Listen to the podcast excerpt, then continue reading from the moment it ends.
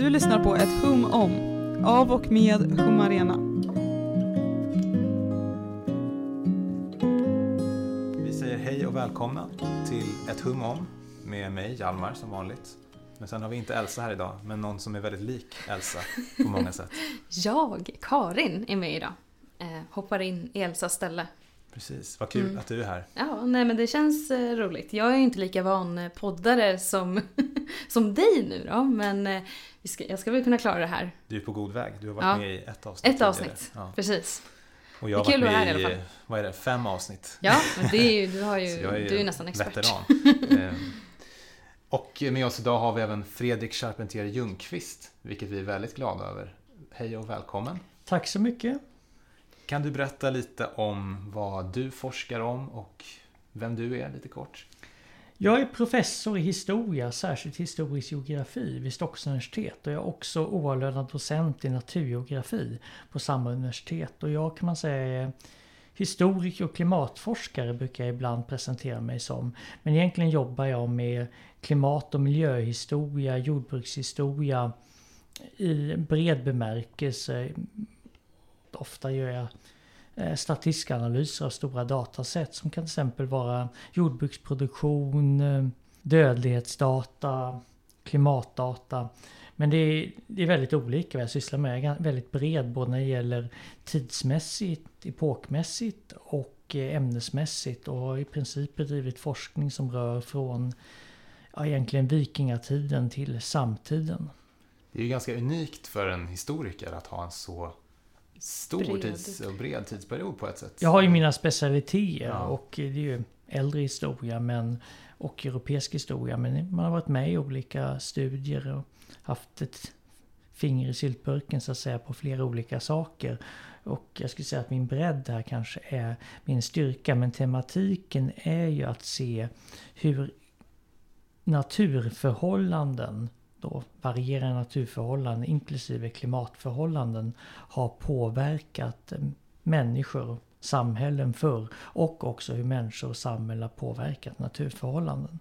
Det är väldigt Det- spännande. Och Ja, väldigt relevant för våran tid också tänker jag. Precis. Kan du berätta lite om vad klimathistoria är för någonting och hur går man tillväga för att forska om historiskt klimat? Vad finns det för källor och metoder? Hur... Huvudsakligen är ju klimathistoria ett naturvetenskapligt fält som brukar kallas paleoklimatologi på Mm. fackspråkbruk. Och det finns också eh, climate history, klimathistoria på mer, vad kan jag säga, som historisk forskning men den är ofta begränsad till den period det finns skriftliga källor som ger någon typ av information. Om man vill gå längre tillbaka än säg 1700-talet, eh, sen början av 1700-talet där vi har meteorologiska mätningar, meteorologiska stationer i Europa. Om vi vill gå längre tillbaka då måste vi titta på naturens egna arkiv eller dokument som människan har lämnat efter sig. Och eh, det finns till exempel uppteckningar över när isen går upp och liknande saker som ger klimatinformation, vattenståndet i floder och så tillbaka till senmedeltiden kan man säga. Med ganska god täckning i Europa och även i Östasien där det finns ännu längre tillbaka. Men om vi vill gå längre tillbaka i tiden, säg tillbaka till ja, vikingatiden eller så, då måste vi titta på naturens egna arkiv. Och det gäller naturligtvis om vi går ännu längre tillbaka i människans historia. Och då till exempel årsringsserier från träd, dendroklimatologi och om träden har då växt som ger årliga ringar och också har till exempel hur, inte bara ringvidden utan eh, hur många celler som finns i varje ring. Då måste vi eh, titta på ett ställe där där man kan hitta dels gammalt material till exempel på sjöbottnar eller i gamla byggnader. Men också träd som man vet antingen har vuxit upp vid trädgränsen som är temperaturbegränsat. Till exempel i fjällen eller Alperna eller i torra områden. Det behöver inte vara södra Spanien. Det kan räcka med Gotland till exempel. Mm. För att se då på torka istället. Men då speglar man bara sommarsäsongen. Sen har vi isborrkärnor till exempel från Grönland som går flera hundratusen år tillbaka. Sen har vi då droppstenar från grottor som innehåller viss typ av klimatinformation. Inte riktigt alltid lika tydligt vad det är. Vi har ju olika typ pollen som speglar vad som har växt, inte klimat i sig utan hur människorna har påverkat naturen men det finns ofta en klimatsignal i. Och varför jag nämnde trädringserier särskilt är att de är ju då exakt daterade växtsäsongen år för år. Och eh, då kan de jämföras bättre med skriftliga källor. Eh, och eh, olika slag, både skriftliga källor över klimat eller väder. För klimatet är ju genomsnitt av vädret under en längre period. Men vi kan också till exempel titta på extrema väderhändelser som kan finnas i skriftliga källor eller skördedata eller någonting. Mm. Och då måste vi ha någonting som är årligt upplöst och exakt daterat.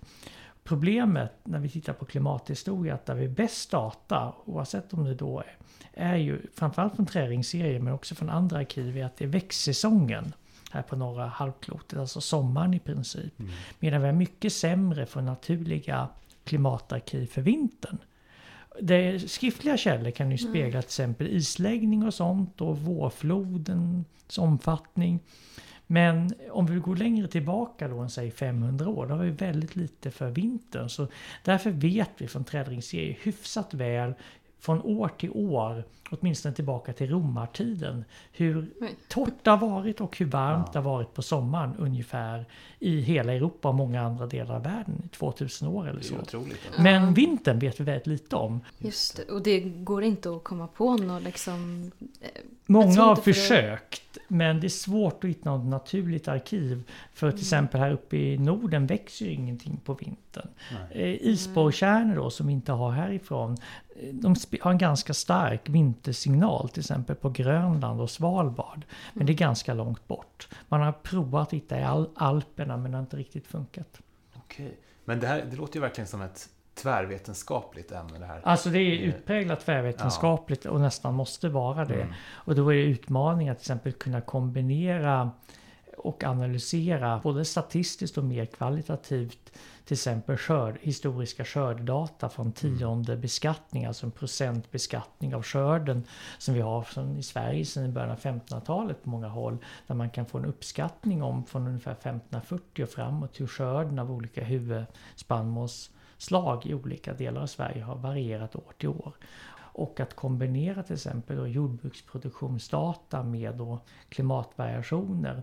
Det gäller att man förstår båda datatyperna vilket ofta kräver då att man jobbar i, forskning, i forskningsgrupp med olika experter som kan den här datan. Man kan göra det ensam och det finns de som gör det på egen hand. Men det kräver väldigt stor och bred kunskap från väldigt många håll. Även om jag känner mig som liksom professor i fältet att jag besitter ganska mycket av de här kunskaperna föredrar jag alltid att jobba i en större forskningsgrupp Mm. själv. Och naturvetare gör ju nästan alltid det medan ofta historiker gör ensamarbete. Det. Och det gör ju att det här forskningsfältet ofta haltar för att naturvetare jobbar alltid i grupp, men historiker ofta försöker klara att jobba mer eller mindre ensamt även med, till, med komplicerad data och ibland till och med lyfta in naturvetenskaplig data numera och jobba med själv. Och ibland finns det då kunskapsluckor eller inte blir så bra som man skulle vilja. Så jag försöker alltid ha ett team av ett antal personer, experter, ofta både juniora och seniora forskare och folk från olika kunskaper, gärna ofta olika länder och bakgrunder som liksom kan komplettera varandra och överlappa, inte att det är helt olika, alla har en viss grundförståelse men att det Mm. eh, överlappar varandra för att liksom nå bästa kvalitet. Och det handlar ju ibland om att folk bara behöver göra en liten insats och vissa en större insats. Och jag har ju drivit flera sådana projekt. Ett som handlar, som håller på att avslutas nu, som jag jobbar så sent som med för en halvtimme innan ni kom. Innan jag blev störd av så att säga vanliga administrativa göromål. Men han en liten stund i varje fall. Det är ett större projekt med många artiklar. Även en del populärvetenskapligt som har kommit ut om orsakerna till hungersnöd i Europa från början av 1500-talet till slutet av 1700-talet med fokus på Nordeuropa. I vilken grad det var vad kan jag säga, klimatrelaterade missväxter direkt eller om det var socioekonomiska och sociopolitiska faktorer som var huvudorsaken till missväxt och hur det förändras i tid och rum under, från då 1500-talet till 1700-talet. Jag kan säga proportionen av klimatrelaterad missväxt, hur mycket det spelar roll respektive då eh, politiska och sociala faktorer. Just De senare ökar ju betydelse med tiden för människan blir mer resilient mot klimatvariationer och chocker. Produktionen ökar, handeln med mat ökar och du får politiska institutioner och lagerhållning och en storskalig handel som gör att man bättre kan parera åtminstone om, man, åtminstone om den politiska viljan finns och det inte finns andra sociala oroligheter, en bättre förmåga att hantera eh, kriser och mycket högre genomsnittlig produktion så man är helt enkelt mindre känslig för eh, hungersnöd. Och hungersnöd i vissa delar av Europa försvann nästan redan på slutet av 1500-talet. Men det finns ställen som vi har det in på andra halvan av 1800-talet. De anomalierna som Irland och Finland. Mm. Och möjligen även Norrbotten och Västerbotten i Sverige. De är intressanta. Vad är det som gör att det lever kvar, det här försörjningsproblemet, så, se, eh, så sent? Just det. Det är Men- snarare då sociala faktorer än, än om man tänker på potatissvälten på Irland och, och, och sådana. Absolut, Mm. det är en, i i Finlands fall en kombination. Men det handlar om infrastruktur och sociala, och politiska och ekonomiska institutioner. Och det finns ju ställen som nästan Irland vid sin stora svält då på mitten av 1800-talet var, hade, var mer eller mindre svältfritt sedan slutet av 1700-talet. Så den kom. Det händer då på vissa håll att svält kommer tillbaka och det är intressant också vad, vad, vad detta beror Men det är anomalier så att säga i Europa. På de flesta ställen i Europa skulle jag säga att den sista stora eller delen i Nordcentraleuropa, sista stora hungersnöden, den är klimatrelaterad. Eh, 1771, 72, 73. Som också är en extrem kris. Det är den värsta sedan pesten ja, 1709-10 i Sverige. Vad var det som hände då? Möjligen ska man säga att det är mer väderhändelser än klimathändelser. Det är kombinationer av för mycket regn och kyla vid fel tid, också torka, men också att det regnar kopiösa mängder på fel tid i jordbrukssäsongen under två tre år. Men jag skulle säga att om vi tittar på säsongsgenomsnitt är det egentligen inget extremt som händer utan det är att det möjligen snarare väder, men väder som är ganska storskaligt och väldigt oförmånligt. Så att du får väldigt stora felslagna skördar även i normala kornbodar som i Polen och Mm. Tyskland. Men för du gör skillnad på väder och klimat, eller hur? Just det, och vädret är, måste man göra skillnad på för vädret är ju vad som varierar dag till dag men även månad till månad och år till år. Klimatet brukar man normalt sett definiera som 30-års medelvärdet av vädret men även variationen av extremer under den här 30-årsperioden. För den här 30-årsperioden kommer ha några milda vintrar, några hårda vintrar, några liksom värmeböljor och några regniga somrar. Alltså på en genomsnittet av vädret och dess variationer under en 30-årsperiod på en plats. De har ju varierat ganska mycket och det gör att man, vilken referensperiod man väljer som liksom utgångspunkt, det är inte oproblematiskt. Ofta väljer man eh, till exempel slutet av 1800-talet som referensperiod.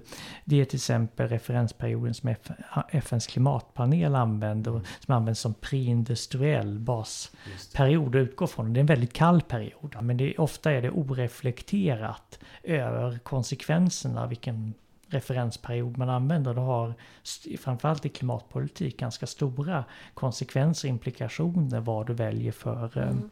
referensperiod. Men så där skulle man egentligen behöva mm, ta in den här historiska forskningen Ja, den anses nog för osäker. Möjligen eh, att det är o, större osäkerhet och det är inte alla parametrar du kan mäta då med indirekt data. Du har ju de meteorologiska data för temperatur som är ganska pålitligt tillbaka till mitten av 1700-talet för hela Europa. Men inte globalt och det är andra parametrar som du inte kan mäta. Men i, i, i relation till den här politiken då, med FNs klimatpanel. ehm, där har du varit med då? Jag har varit expertgranskare i tre rapporter. Och eh, det är egentligen precis som man gör en vanlig vetenskaplig eh, Eh, det är en vetens, någon form av vetenskaplig rapport, eller får man säga sammanställa kunskapsläget och det finns lite olika typer av rapporter som avges. Vissa är vad kan säga, mer eh, vetenskapliga synteser och andra är mer någon typ av grundlag för mer policyinriktning. Så det beror på vilka Mm. rapporter det är. Men de vetenskapliga grundrapporten, framförallt den från 13-14, 2013-14 var riktigt gediget och det är paleo, paleoklimat, alltså klimathistoriskt kapitel. De har inte, tar inte upp hur klimat har påverkat samhälle och människor förr, bara klimatet i sig Mhm. förr. Mm. Och, eh, men det var en gedigen ganska bra kapitel. Men det är precis som man granskar en vetenskaplig artikel från andra forskare i peer review. Men då kan vi ändå liksom, nu har vi pratat om naturliga variationer Mm. i klimatet kan man väl säga. Och vi vet ju numera att vi människor påverkar klimatet. Men går det även att se det historiskt? Har människor påverkat klimatet på något sätt tidigare? Eller har, har vi Ja. varit en helt Vi obetydlig faktor? Eller precis. Mm. Eh, Margine- det är omdiskuterat igen. Marginellt har vi påverkat klimatet framförallt lokalt och regionalt via att förändra vegetationen. mm. Och det är både kolcykelns kretslopp, då, små variationer, ganska små i koldioxid och metan. Men det är ganska små, men också att förändra markytan. Så strålningsbalans ändras till exempel. En, om det är mörka trä, träd och, på marken, det hindrar ju då, om det är snö på vintern, att eh, inte lika mycket strålas bort till exempel. Så att ytan och även då lokalt kan det leda till uttorkning till exempel av skorna, olika, olika effekter. Men oftast kan, på global skala eller atmosfärisk skala, alltså på norra halvklotet, i princip försumbara de historiska markanvändningsförändringarna. Men på regional och lokal skala har de haft ganska stor betydelse. Och det finns små variationer till exempel efter att alla sjukdomar kom till nya världen då på början av 1500-talet. Och mm. 80-90% av befolkningen dog. Då sker ju en enorm återförskogning av stora delar av nya världen. Och eh, det har förmodligen förändrat koldioxiden så att du har då en liten effekt även av koldioxid på 1500-talet. Men den, den är ganska liten enligt min mening. Men det finns en viss eh, då från risodling, flera tusen år av våtrisodling i Asien. Mm. Då en ökning av, kol, av metanhalten till exempel i atmosfären. Men vi har också då av det regionala klimatet, inte minst nederbördsmönster har påverkats av till exempel avskogning, återförskogning och annan markanvändning och dränering och med mera. Men det är ganska små. Jag skulle säga att historiskt sett är det snarare klimatet som har påverkat människan, klimatets förändringar, att människorna påverkar klimatets förändringar. Det är det nya i modern tid, att tidigare har klimatets förändringar påverkat människan primärt och nu är det primärt människan som påverkar klimatets förändringar. Hur har klimatet påverkat människan? Men- Det är en väldigt stor fråga. Men, men om man tänker sånt kända... Det är en super, superstor Så fråga. generellt. Och jag skulle säga att den framförallt har påverkat via att påverka riskerna, möjligheterna och villkoren för olika typer av livsmedelsproduktion. Framförallt då i Europa spannmål och nya världen då majs och i östra och södra Asien inte minst ris. Men även andra grödor. Men också då pastoralt jordbruk, boskapsuppfödning. Men också tillgången till vatten, färskvatten och i historisk tid då även till exempel för att driva kvarnhjul. Om det för mycket vatten, är för lite vatten, blir för li- men framförallt då i princip all matproduktion men också annat saker som till exempel när det var fruset. Som det var väldigt långa perioder på slutet av 1500-talet, början av 1600-talet. På vintrarna kunde man inte transportera något på hav och floder för det gick inte med träskepp. Men om det var öppet vatten året runt kan det transportera. Men å andra sidan i inlandsområden som i Bergslagen i Sverige hade man vintertransporter som behövde snö. så att beroende på snösäsongens längd och varaktighet, issäsongens längd och varaktighet påverkar också transportsystemet. Men jag skulle säga sekundärt. Villkoren och frekvensen av goda respektive dåliga förhållanden, växtförhållanden för olika grödor påverkas med klimatförändring. Under vissa klimatregimer gynnar en viss typ av grödor för att det är oftare goda förhållanden medan en viss typ till exempel, av klimatförhållanden kan ge mer frekventa då till exempel för kalla vårar och korta växtsäsonger eller för torra förhållanden eller Mm. någonting annat. Den frekvensen varierar med förändringar i genomsnittsklimatet. Framförallt risken för hur ofta det kommer upprepat. Och det var det som påverkade då försörjningen för modern tid. Som ett exempel skulle jag våga hävda att eh, kulmen av lilla istiden runt år 1600 hade en stor påverkan på livsmedelsförsörjningen både i Ostasien och i Europa av lite olika skäl. Den försköt monsunregnen i Asien längre söderut när det var kallare på norra halvklotet. Det blev väldigt torrt förutom att det var kallt på vintern i Asien. Men i Europa var det helt enkelt att våren kom så väldigt sent. Så att du försköt starten på växtsäsongen 6-8 veckor vissa år. På vissa håll i Europa nog även demografiska effekter. Att du får en ökad dödlighet i sjukdomar på grund av sämre näringsintag. Och det verkar vara hela perioden ungefär från vad säger 1570 till de första åren på 1600-talet har du så många missväxtår på så många håll i Europa. Så att du har en befolkningsstagnation eller till en befolkningsnedgång på många håll. Och en jag kan säga, uppenbart kraftig minskning i totala mängden kalorier och protein mm. som Europa kan producera. Mm. Eh, och eh, kanske bidrar även till en sänkning av vad vi idag skulle kalla realinkomsterna. Så människan har ju alltid varit beroende. Eller liksom... Du har varit extremt beroende ja, i förmodern tid. Eh, förutom rika köpstäder vid kusten som kunde ha, eller vissa stora floder som hade råd och infrastruktur att transportera och vattenvägar. Livsmedel var man beroende av regional och Eh, till lokal produktion. Och eh, marginalerna var ofta väldigt små. Ett missväxtår kunde man normalt sett klara, det fanns system och lager för. Två börjar bli svårt och tre är det få ställen före 1700-talet som då inte... Det är inte total missväxt, det finns alltid mat. Men det börjar få, framförallt bland fattigare grupper, börjar dödligheten öka i sjukdomar. Du får en ökad frekvens spontana aborter på grund av undernäring hos kvinnor. Du får en ökad dödlighet men också spridning av infektionssjukdomar när immunförsvaret går ner. Du får stunted growth, alltså för kort utveckla benstommen hos barn. Vi kan även se det i skelett efter att folk som har vuxit upp i visst åldersspann, småbarn, under de här år, åren varit dåliga, har ofta framförallt fattiga grupper eh, kortare eh, benväxt. Och faktiskt kan du se att så sent som på 1700-talet, de som har fötts och vuxit upp som små barn under då år med väldigt brist på mat.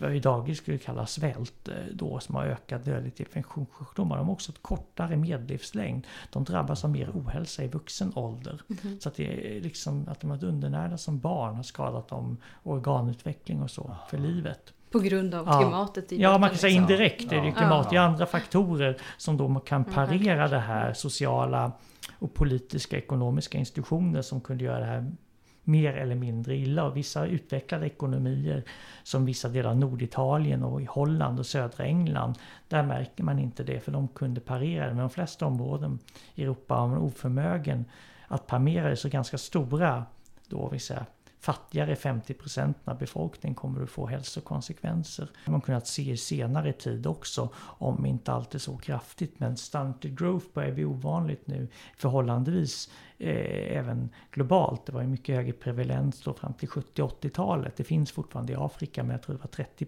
nu kommer jag inte ihåg siffrorna i huvudet, men liksom 30% på 70-talet mm. av barn i Afrika som hade stunted growth. Idag är 10 eller något sånt där. Okay. Men jag kommer inte ihåg exakta siffror, men det är fortfarande, och det är ju just av samma fenomen. Och stunted growth kan man till exempel se i Frankrike på 1600-talet bland stora grupper. Det kan man komma fram med i mönstringsrulle bland annat. Aha. För män då, hur korta de var. Ibland var det problemet att de var för korta för Aha, kraven för okay. äh, ja. armén. Men eh, 1600-talet just brukar ju ofta beskrivas som ett århundrade av, fullt av kriser. Det är kris. Det är upp, eh. man brukar kalla det crisis of 17th century. En del menar att det är globala kriser, men jag skulle säga egentligen perioden från kanske 1560 och hela 1600-talet är det då olika kriser. Dels är krigen mer storskaliga och mer långvariga. Och sen har vi samtidigt de sista stora pestepidemierna. Plus kanske fler och långvariga missväxter från då perioden av 1560 till till och med 1690-talet. Ja. Än i något, på fler ställen än i något, och på fler, mer frekvent än i någon annat århundrade som är dokumenterat. Samtidigt som det har fler mer långvariga krig och större resursuttag från så att säga, överheten av befolkningen för att finansiera de här krigen. De blir en helt annan dimension och skala.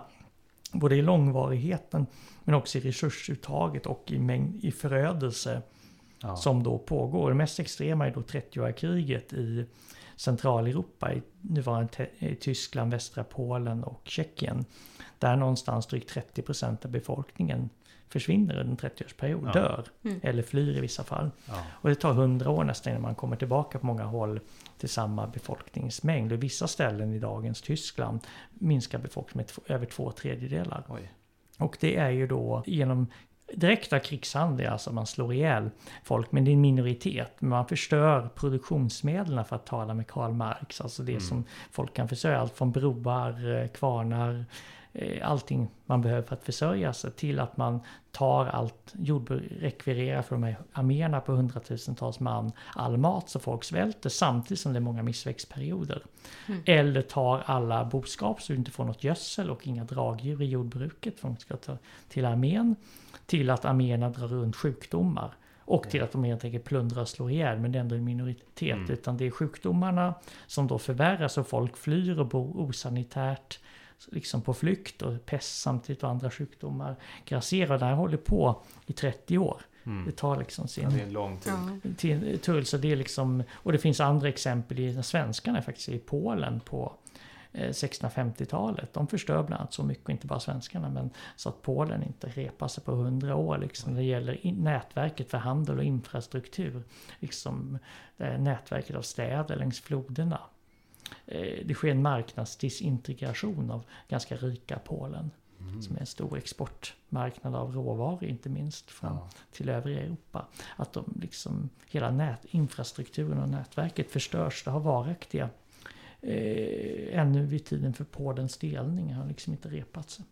Men Så det här är stora, de här det- krigen har ja. riktigt stora konsekvenser. De förvär, effekten förvärras naturligtvis och förmodligen av att det just då under långa perioder också väldigt kallt och ibland väldigt fuktigt. Och du har ju då ett exempel när 30 kriget härjar som värst i Tyskland då på eh, slutet av 1620-talet, jag kommer inte ihåg året i huvudet, då det snö i maj och det fryser Jaha. till och skördarna liksom totalt förstörs naturligtvis.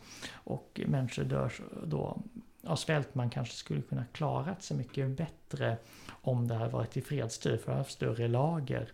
Eh, och då hade det inte haft samma skattetryck och en helt annan fungerande handel och Mm. annat som hade varit i fredstid. Man är extra utsatt i krigstid naturligtvis. Jag tänkte här. precis på den här, för, för det är ju... Det är en dödlig cocktail av Ja. sjukdomar som sprids med arméerna och att människor är på flykt och bor osanitärt och fått sin egendom förstörd.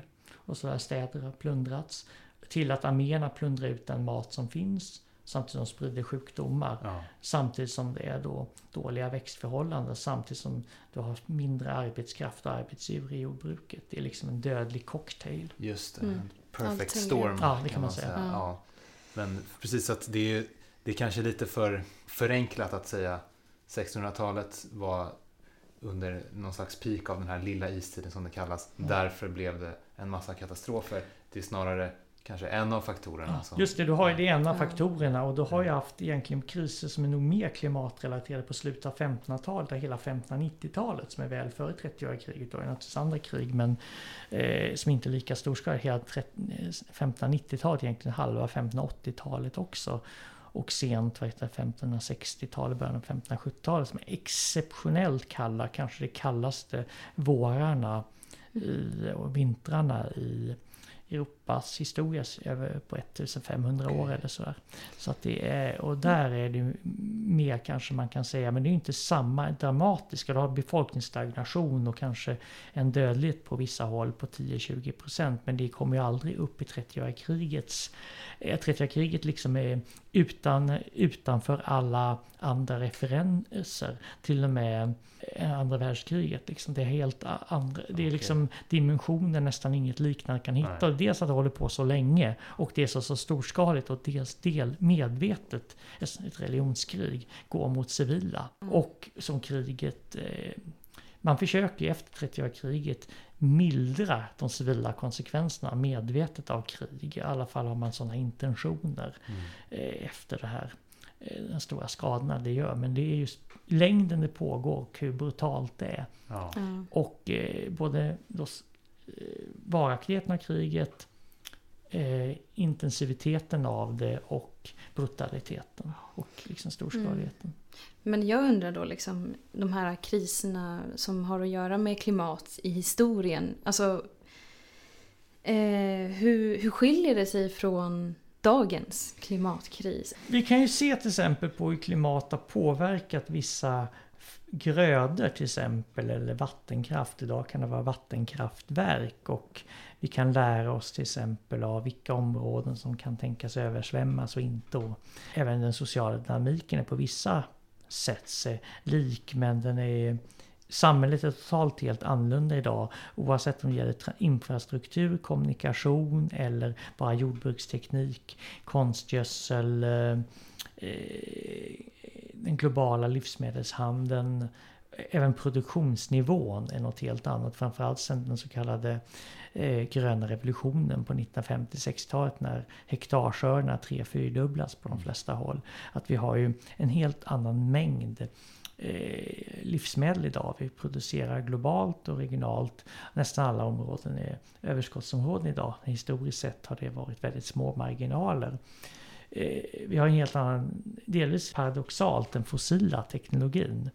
Eh, som har gjort det här stora produktionsöverskottet och transporterna möjligt. Men vi är egentligen betydligt mindre sårbara idag. Det kan vi se också på allt från eh, andelen av jordens befolkning som är undernärd eller lever i extrem fattigdom eller liksom många har el idag jämfört med, mm. med förr. Och det gäller ju barnadödlighet eller medellivslängd. Alltså, vi behöver bara gå hundra år tillbaka när vi har i Europa en medellivslängd som motsvarar de fattigaste länderna i Afrika idag. Liksom. Så att eh, om vi tittar på utvecklingsnivån är den he helt annat. Idag har vi egentligen förmågan att eh, det handlar om politisk organisation och vilja och väpnade konflikter att föda väl hela jordens mm. befolkning. Vi har globalt överskott på mat. Och, eh, och även de prognoser, det finns de som gjort med worst case scenario med någon sån här global uppvärmning med frekvent torka i vissa håll på, på jorden.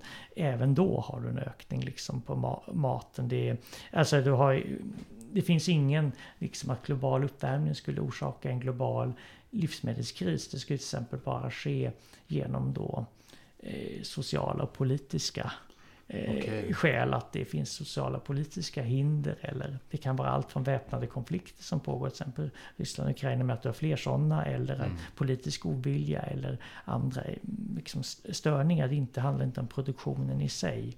Men det finns... Ja. Det finns eh, lokala risker kan du, kan du se. Framförallt de höga utsläppsscenarierna mm. i framtiden. Men det, det, finns inget som talar för att det skulle vara en drivande. Det talas ibland om en ny malticistisk tanke. Men i de forskning som finns mer, kan jag säga, mer seriös forskning om det är det inte är det en, idag de sociala och politiska problemen och riskerna som kan finnas i, i, i framtiden. Då. Och den stora skillnaden är ju att det enda stället som har en signifikant befolkningsökning, de flesta är ju snart går till befolkningsminskning och okay. även länder då som då hade sex barn på 1980-talet har liksom två idag. Det enda land som har en fortfarande kontinent som har liksom en kraftig ökning. Det är Afrika, söder om Sahara man tar bort Sydafrika, och mm. Namibia och så, Botswana.